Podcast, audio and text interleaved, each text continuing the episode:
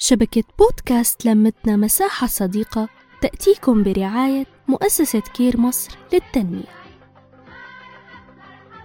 عشان توعي عشان تحبي حالك عشان تبني نفسك وتكوني سعيدة قبل ما تتزوجي.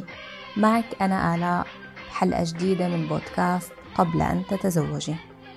عيد الفطر السعيد كل عام وإنتو وحبايبكم بألف خير وإن شاء الله بعيدوا علينا كل سنة بالفرح واليسر والبركة. العيد هو هدية من ربنا بكافئنا فيها بعد تعب 30 يوم من الصيام والعبادات. والعيد فرصة حلوة لنفعل طاقة الامتنان وشعور الامتنان عنا. نكون ممتنين إحنا اليوم موجودين لنفرح. موجودين مع ناس بتحبنا ومنحبها وقادرين إنه نفرح برغم كل شي عدى أو رح يعدي علينا. صح إن ثلاثة أيام بس كفيلين إنه يشحنونا لباقي السنة. طاقة حلوة وسعادة. حتى لو إحنا كبار ما عادت تفاصيل العيد تعني لنا كتير من بيجامة العيد للمراجيح لليلة العيد.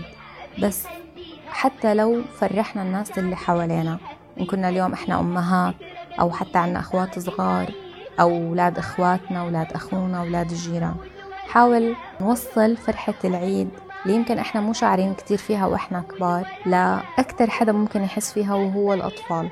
وحتى وإحنا عم نقدم لهم الشي قول لهم إنه إحنا ممتنين لوجودكم. إنتوا عم تخلونا نشعر بمشاعر العطاء والامتنان إنه إنتوا موجودين لنفرحكم وبالمقابل إنتوا تفرحونا.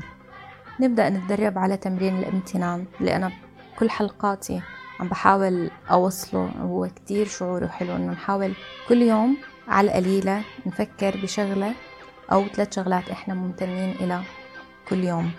إذا ما سجلناها على ورقة ممكن نسجلها بالنوت على الموبايل أو حتى نحكيها مع خيالنا قبل ما ننام. نحاول نركز على أحلى ثلاث شغلات صاروا باليوم.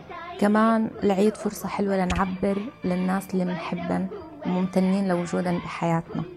كمان إذا ما قدرنا نقدم لهم شي مادي بالكلام أنا ممتنة مثلا لأمي لأبي لزوجي وكذلك الرجل ممتن لزوجته ممتن لأطفاله.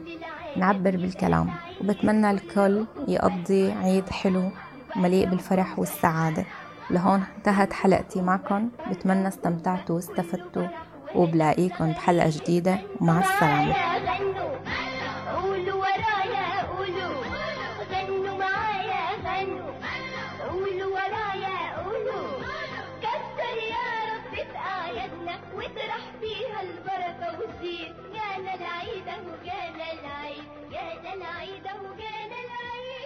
نحكي نتشارك نتواصل.